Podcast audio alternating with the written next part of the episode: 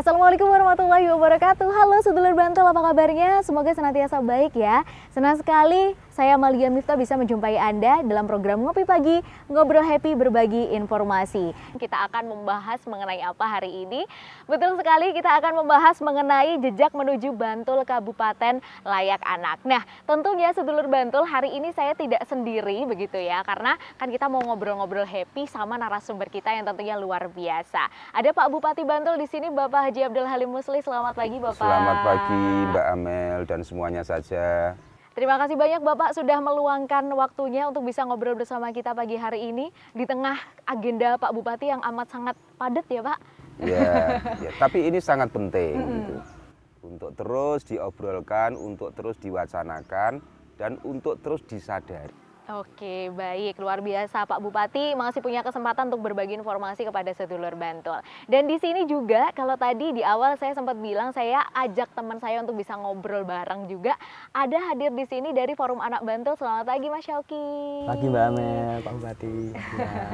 sehat ya Mas Syauki ya? Alhamdulillah sehat. Oke, terima kasih sudah hadir di sini bersama kita bersama dengan Pak Bupati juga. Dan tentunya sedulur Bantul hari ini kita akan membahas tentang bagaimana perjalanan Bantul menuju Kabupaten Kabupaten Layak Anak. Ini yang pengen saya tanyakan ke Pak Bupati nih Pak. Yeah. Kemarin kan kita e, berhasil untuk meraih kategori Nindya ya Pak dalam Yeah. Kabupaten Layak Anak. Penghargaannya sudah diberikan oleh Kementerian Pemberdayaan Perempuan dan juga Perlindungan Anak. Nah, tapi yang mungkin menjadi pertanyaan dari sebagian masyarakat Bantul juga Bapak karena eh, Kabupaten Layak Anak ini menjadi misi dari pemerintah Kabupaten Bantul yang Iya. kelima. Nah, Iya. sebenarnya apa sih Pak yang kemudian akhirnya bisa kita dapatkan atau impact yang bisa kita dapatkan dari Kabupaten Layak Anak untuk masyarakat Bantul itu sendiri? Ya. Pertama harus kita sadari bahwa anak adalah masa depan kita. Anak adalah masa depan bangsa. Maka dia harus dipersiapkan menjadi generasi yang sehat, generasi yang kuat, generasi yang tidak hanya sehat secara fisik tetapi juga cerdas secara intelektual dan kuat secara mental. Karena dia ini nanti yang akan ya mereka ini anak-anak kita hari ini mereka lah yang nanti akan membawa nasib bangsa ini di ke depan. Nah, oleh karenanya anak-anak yang hebat itu tidak mungkin dia akan kita dapatkan dalam suasana lingkungan yang tidak memberikan hak-hak untuk mereka. Ya. Jadi kan banyak sekali itu hak-hak anak yang harus kita berikan. Kalau tidak kita berikan, maka dia atau anak-anak kita ini tidak akan tumbuh dan berkembang menjadi anak yang hebat. Anak yang mampu membawa bangsa ini ke depan menjadi lebih baik, lebih kompetitif, lebih berdaya saing. Karenanya kita harus membuat satu sistem pembangunan yang apa berbasis hak anak. Ya, pembangunan kita dari segala sektor ini itu harus memperhatikan sejauh mana hak-hak anak itu bisa diberikan, bisa dilindungi. Nah, itu latar belakangnya seperti itu. Oke, baik ya. Jadi kenapa kemudian Bantul itu harus menjadi kabupaten layak anak sudah disampaikan oleh Bapak Bupati Bantul. Kalau kita eh, sedikit flashback ke beberapa tahun yang lalu, jadi Kabupaten Iya. Bantul ini sempat posisinya stagnan ya Pak ya waktu itu ya Pak Iya. ya. Ada di posisi eh, Madya. Madya ya Pak ya. Nah, kemudian akhirnya tahun ini Pak itu berhasil kita naik satu peringkat lagi ke kategori Nindya. Nah, Iya. itu perjalanannya Bantul seperti apa sih Pak untuk bisa naik kategori ke kategori Nindya? Ya, di masa lalu kita ini kurang menyadari pentingnya eh, memberikan hak-hak anak di dalam sistem pembangunan kita. Nah, karena kalau ini terus-menerus kita lakukan, maka pembangunan kita itu akan menjadi liar. Sistemnya itu liar, sehingga perhatian terhadap anak itu terlupakan, terbengkalai. Apa yang terjadi? Maka anak-anak kita itu tidak mungkin bisa tumbuh dengan sehat, tumbuh dengan kuat. Nah, lalu eh, skor kita di masa lalu itu tetap rendah karena sistem pembangunan kita itu belum memperhatikan hak anak. Nah, karenanya ini harus cepat-cepat kita sadari dan kita rubah. Nah, sehingga setiap tahun ketika kita menyusun eh, apa rencana pembangunan daerah, menyusun kebijakan umum, anggaran eh, dan kegiatan pemerintah, maka kita selalu merujuk sejauh mana rencana pembangunan kita ini mampu menguatkan hak-hak anak, mampu memberikan perlindungan kepada anak. Nah, setelah kita sadari itu, maka kita melakukan perubahan yang eh, signifikan.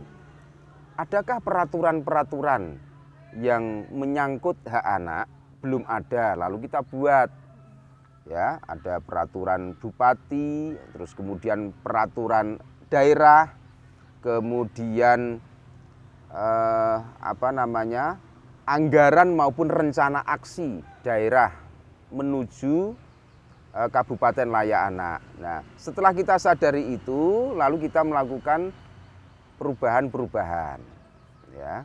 Kita lakukan perubahan-perubahan sehingga kita bisa naik ke peringkat atau ke kategori ninja di tahun ini. Ingat ada lima kategori ya, Pratama, Madya, Nindya, Utama, KLA. KLA. Nah kita ini berada di tengah. Oh, Ya. kita ada di posisi ketiga berarti ya. Pratama, Madya, Nindya. Kita masih harus mengejar ke Utama dan KLA. Maka kita akan terus berusaha bagaimana tahun 2023 kita harus naik ke level utama. Tahun 2024 ke level KLA. KLA. Nah, ini perlu perjuangan yang sungguh-sungguh dan terintegrasi. Eh, Artinya sistem pembangunan daerah itu bukan hanya tanggung jawab pemerintah saja, tetapi masyarakat, orang tua, keluarga-keluarga, kemudian juga dunia usaha dan media. Jadi ini mengintegrasikan seluruh sumber daya dan kekuatan kita agar lingkungan ya eh, environment di Kabupaten Bantul itu menjadi layak anak, menjadi eh, apa kabupaten yang memberikan hak-hak anak secara utuh. Hak-hak anak itu kan ada banyak sekali, ada 10 hak bermain. Maka kita harus memberikan ruang dan waktu untuk bermain anak-anak. Hak untuk mendapatkan pendidikan yang baik. Jadi tidak boleh misalnya saya orang tua, saya punya anak. Nah ini terserah saya dong. Ini anak-anak saya sendiri, nggak usah sekolah juga nggak apa-apa. Gitu. Oh nggak boleh. Karena itu adalah sebagian dari hak anak yang harus Ya dipenuhi itu Pak. hak anak yang yang harus kita berikan. Orang tua nggak bisa seperti itu. Misalnya kalau ada orang tua kok melarang anaknya sekolah, dia itu bisa kena hukuman. Gitu. Dia eh, bisa disangka didakwa sebagai orang yang menghalangi pemenuhan hak pemenuhan hak anak. Oh, ya. oke. Terus masih ada lagi hak untuk mendapatkan kesehatan, ya, hak untuk mendapatkan eh, apa status kewarganegaraan dan lain sebagainya. Oke, ini berarti menjadi sebuah tugas besar bagi Pak Oh Bupati iya, ya Pak ya, iya. untuk bisa merangkul Tugas kita semuanya. tugas semuanya, untuk bisa bersama-sama nyengkuyung istilahnya ya seluruh Bantul ya, untuk menjadikan Kabupaten Bantul itu sebagai kabupaten layak anak. Nah, monggo karena sudah ada kopi nih Pak Oh di iya, depan iya, kita, iya. monggo diminum dulu, Mas Auki juga.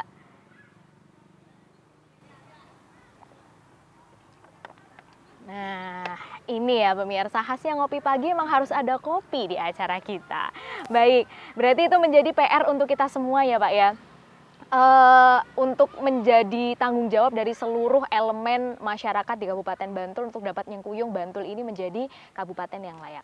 Ya, karena tidak mungkin hal ini diserahkan sepenuhnya kepada pemerintah. Keluarga-keluarga ini kan punya anak-anak, maka keluarga-keluarga ini harus kita sadarkan, hei bapak, ibu, keluarga, kalian ini punya tanggung jawab loh. Kalian ini punya kewajiban untuk memberikan hak-hak anak.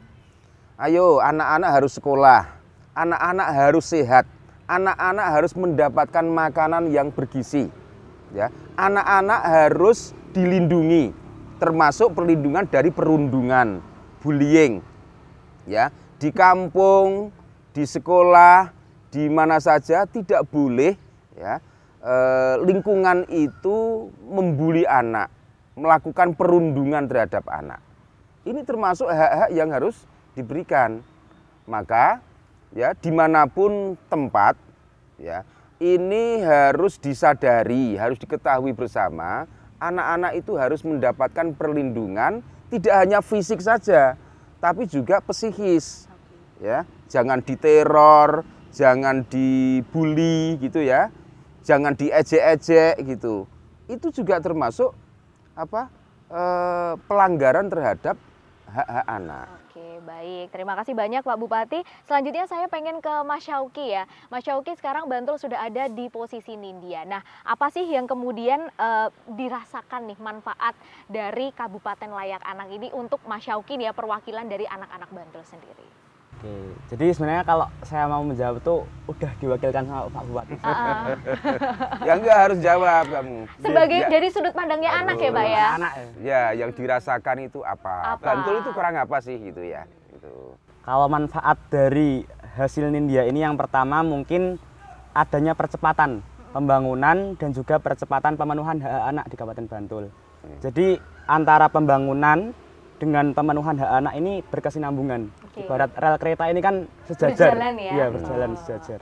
Jadi ketika pembangunan ini eh, terpenuhi kemudian benar-benar layak anak seperti kita bisa ambil contoh di Taman Pasiban Oke. atau taman-taman di tiap Kapanewon. Itu kan menyediakan ruang-ruang yang ramah anak, Oke. ramah lingkungan, bahkan juga bebas asap rokok ya. Oke. Jadi anak-anak secara bebas bisa bermain di situ, bisa belajar. Kalau sekarang ini ada istilah namanya gamifikasi. Apa itu? Jadi gamifikasi itu merupakan pembelajaran yang dikemas dengan permainan. Oh. Jadi eh, anak-anak tuh bisa belajar di situ. Misal dengan adanya sanggar tari, kemudian eh, ruang-ruang yang bebas untuk eh, anak-anak bermain itu merupakan salah satu upaya dari Pak Bupati dan para jajarannya untuk eh, melakukan percepatan terhadap pemenuhan hak anak, hak anak di Kabupaten Bantul. Oke, luar biasa ya. Kemudian yang kedua ini merupakan salah satu dari sudut pandang kami Forum Anak Bantul. Forum Anak Bantul itu lebih diterima di masyarakat. Jadi kebanyakan eh, sebelum adanya kesadaran dari pemerintah terkait KLA ini kan eh, Forum Anak Bantul kurang diterima, maksudnya kurang dikenal oleh masyarakat. Mulai akhir-akhir ini, dewasa ini, kami Forum Anak Bantul mulai dikenal oleh masyarakat. Seperti contohnya ada kegiatan lomba-lomba Hari Anak Nasional, kemudian Kongres Anak, yang itu merupakan bentuk kami melakukan pendekatan-pendekatan terhadap anak-anak supaya mampu menyampaikan aspirasi, menyampaikan suaranya kepada eh, pemerintah di Kabupaten Bantul yang berkaitan dengan sudut pandang anak-anak begitu. Ini karena Forum Anak Bantul ini sebagai jembatan juga ya untuk menyalurkan aspirasi anak Bantul kepada pemerintah. Berarti ikut berpartisipasi juga dalam pembangunan ya Pak Bupati. Iya, iya pasti itu ya. Oke, baik. Terima kasih banyak Pak Bupati dan juga Mas Syauki. Selamat pagi Pak Bupati. Eh, selamat pagi. Selamat pagi. Bu Nini. Ada Iya, Bu Gali. Nini, ada Mbak Galim, Mbak. Ah, ini kok rame-rame berdua ini ada apa? Iya, ini jadi saya nderek Bu Nini, Mm-mm. Ibu Kepala DP3KB, Mm-mm. itu untuk menyerahkan piala dan piagam penghargaan kategori Nindya Wah. untuk KLA. Luar biasa. Dari bandara Bu tadi Bu? iya, tadi saya nunggu. Sudah Oke. minggu lalu. Sudah minggu lalu ya, tapi diserahkan hari ini untuk Pak Bupati. Monggo kalau gitu berkenan Bapak Bupati untuk bisa menerima. J. Kita akan saksikan sedulur Bantul penyerahan dari piala untuk kategori Nindya di Kabupaten Layak Anak untuk Kabupaten Bantul di tahun 2022 ini. Boleh kita berikan tepuk tangan. Oke, luar biasa. Ini adalah kemenangan Selamat dari untuk Bantul, selamat untuk kita semuanya. Luar biasa. Kemenangan untuk Kabupaten Bantul dan seluruh masyarakat Bantul. Ini piagam penghargaan juga untuk kategori ini dia. Dan akhirnya Kabupaten Bantul bisa naik peringkat ya di tahun 2022 ini. Boleh kita berikan tepuk tangan lagi. Oke. Terima kasih banyak. Boleh kita bantu Bapak. J, teman-teman bisa dibantu ya. Baik, monggo Bu Nini, Pak Bupati, kemudian juga Mas Syauki bisa kembali duduk. Mbak Galih juga bisa menemani kita di sini. Nah, ini sudah ada Bu Nini di sini gitu ya. Ini beliau ini istilahnya apa ya Pak ya? Dantonnya gitu kalau dalam baris berbaris itu ya Pak ya. Dalam KLA itu istilahnya apa? Ya, komandannya. komandannya gitu kan, komandannya. Bu Nini eh, dari apa yang sudah didapatkan di tahun ini Ibu. Nah, kita sudah berhasil naik ke kategori Nindya. Apa sih kemudian strategi yang dipasang sama Bu Nini nih selaku komandannya nih untuk besok di tahun 2023 kan capaiannya harapannya kita pengen dapet yang utama ya Bu ya. Nah, apa kemudian strategi yang bisa dicapai sampai besok 2024 itu kita bisa KLA? Ya. Eh, terima kasih eh, Bapak Bupati, selamat pagi dan eh, seluruh pemirsa bahwa eh, kami yang memang tugas kami membantu Bapak Bupati dan eh, kami diberikan tugas untuk mengawal KLA ini sebagai koordinator. Nah, eh, alhamdulillah bahwa capaian kita pada tahun ini eh, kita pada posisi kategori Nindya. Nah, eh, dan sesuai RPJMD kita memang di tahun 2023 nanti kita naik ke utama dan eh, untuk tahun ini juga sudah sesuai dengan target RPJMD kita pada posisi Nindya. Nah, eh, kami sejak kami melakukan assessment pada tahun ini ya kita lakukan self assessment eh, seberapa jauh kita sudah mencapai memenuhi kategori instrumen-instrumen yang ada eh, untuk pencapaian KLA itu kemudian kita bisa mengevaluasi seberapa eh, sebenarnya capaian kita dan hal-hal apa yang belum kita capai. Itu yang kemudian saya bersama tim dan juga eh, apa OPD maupun eh, semua institusi yang terkait itu kami kemudian mengajak bahwa ini assessment sudah selesai. Nah, kita segera untuk menyiapkan untuk tahun depan. Kita tidak usah menunggu hasil hasil eh, capaian pada tahun ini. Itu strategi kami.